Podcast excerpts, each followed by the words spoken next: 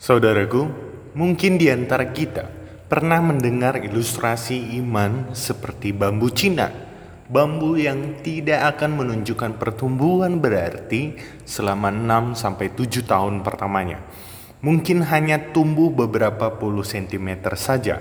Namun setelah waktu tersebut, pertumbuhan bambu Cina tidak dapat dibendung bambu itu akan tumbuh begitu cepatnya dan ukurannya bahkan bukan hitungan sentimeter lagi, melainkan bermeter-meter. Hal tersebut dimungkinkan terjadi dikarenakan selama 6 sampai 7 tahun pertumbuhan terjadi dan terfokus pada akar atau dengan kata lain Tumbuhan ini sedang menyiapkan pondasi yang kuat agar ia bisa menopang ketinggiannya yang berpuluh-puluh meter, sehingga ketika tumbuhan bambu telah sangat tinggi, akarnya akan sangat kuat. Untuk membuat bambu tersebut tidak patah sekalipun diterpa oleh angin yang sangat kencang. Kira-kira demikianlah ilustrasi tersebut menjelaskan pembangunan dan pertumbuhan iman seorang Kristen Tentu dengan dasar yang kuat, yakini firman Tuhan. Dasar yang menempah dan membentuk pribadi setiap orang Kristen untuk memiliki pondasi yang benar-benar kokoh. Sehingga di kala kesengsaraan datang, orang-orang beriman tidak akan jatuh dan imannya tidak akan patah. Persis seperti yang dimaksudkan Yesus pula dalam pengajarannya mengenai dua macam dasar. Dalam Matius 7 ayat 24 sampai 27 bahwa orang-orang yang mendengar perkataannya dan melakukannya sama dengan orang bijaksana yang mendirikan rumahnya di atas batu kemudian turunlah hujan dan datanglah banjir. Lalu angin melanda rumah itu tetapi rumah itu tidak rubuh sebab didirikan di atas batu namun pemahaman ini akan menjadi keliru bila setiap di antara kita beranggapan bahwa hidup dalam kekristenan adalah hidup dalam penderitaan. Karena kehidupan orang Kristen bukanlah hidup penderitaan, sebaliknya kehidupan Kristen juga bukanlah kehidupan tanpa penderitaan ataupun kesengsaraan. Tidak perlu membohongi diri dengan mengatakan kepada banyak orang bahwa hidup dalam kekristenan tidak ada penderitaan ataupun kesengsaraan. Tidak perlu pula untuk memaksakan dan menipu orang lain agar mereka tidak menyadari kesengsaraan dan penderitaan yang sedang mereka hadapi.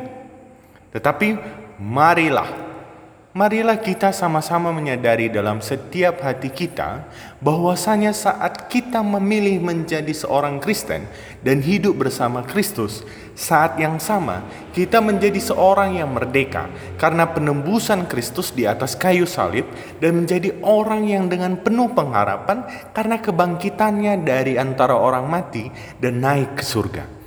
Dengan kesadaran demikianlah akhirnya kita dapat membedakan bagaimana kehidupan orang Kristen dan orang berdosa dalam menghadapi penderitaan dan kesengsaraan. Sebab kesengsaraan orang benar dengan kesengsaraan orang yang hidup dalam dosa sangatlah berbeda. Misalnya dalam kitab Roma kita melihat perbedaan kontras antara dua kemungkinan jalan hidup.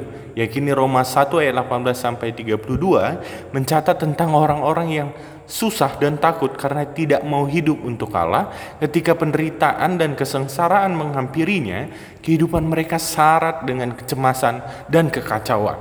Sedangkan dalam Roma 5 ayat 1 sampai 11 kita melihat apa yang terjadi tatkala seorang mempercayai Kristus menghadapi penderitaan. Mereka tetap hidup bi positif. Mereka tetap bisa merasa damai, bersuka cita, dan bersyukur Sebab kehidupan orang-orang Kristen sekalipun sedang menghadapi penderitaan dan kesengsaraan, mereka tetap hidup dalam pengharapan. Mereka hidup dalam kasih dengan saling peduli pada satu dengan yang lainnya.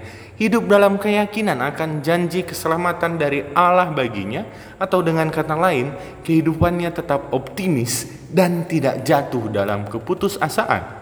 Sebab seperti yang dituliskan Paulus pula, bahwa kesengsaraan tidak menjadi sesuatu yang membuat dirinya dan orang-orang Kristen tidak lagi merdeka.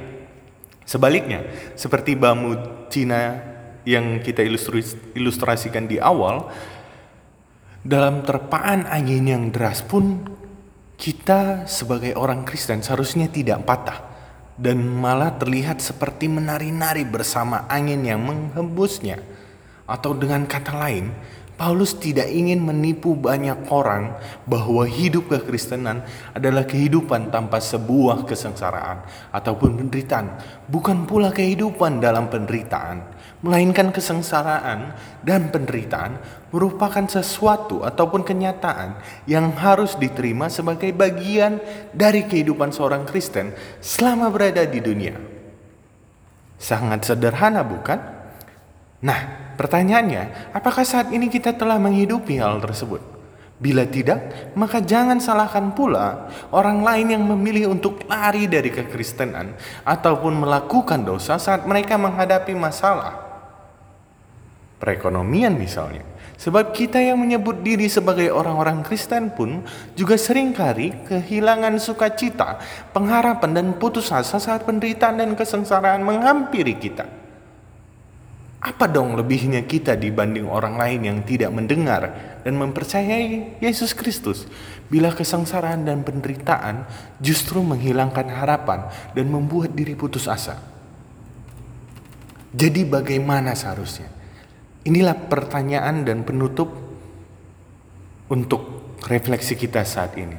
Pada bagian ini, tiga sikap dapat kita temukan dalam banyak sikap yang dicerminkan dalam Alkitab tentang menjadi seorang yang merdeka, sekalipun kesengsaraan mendatangi hidup kita.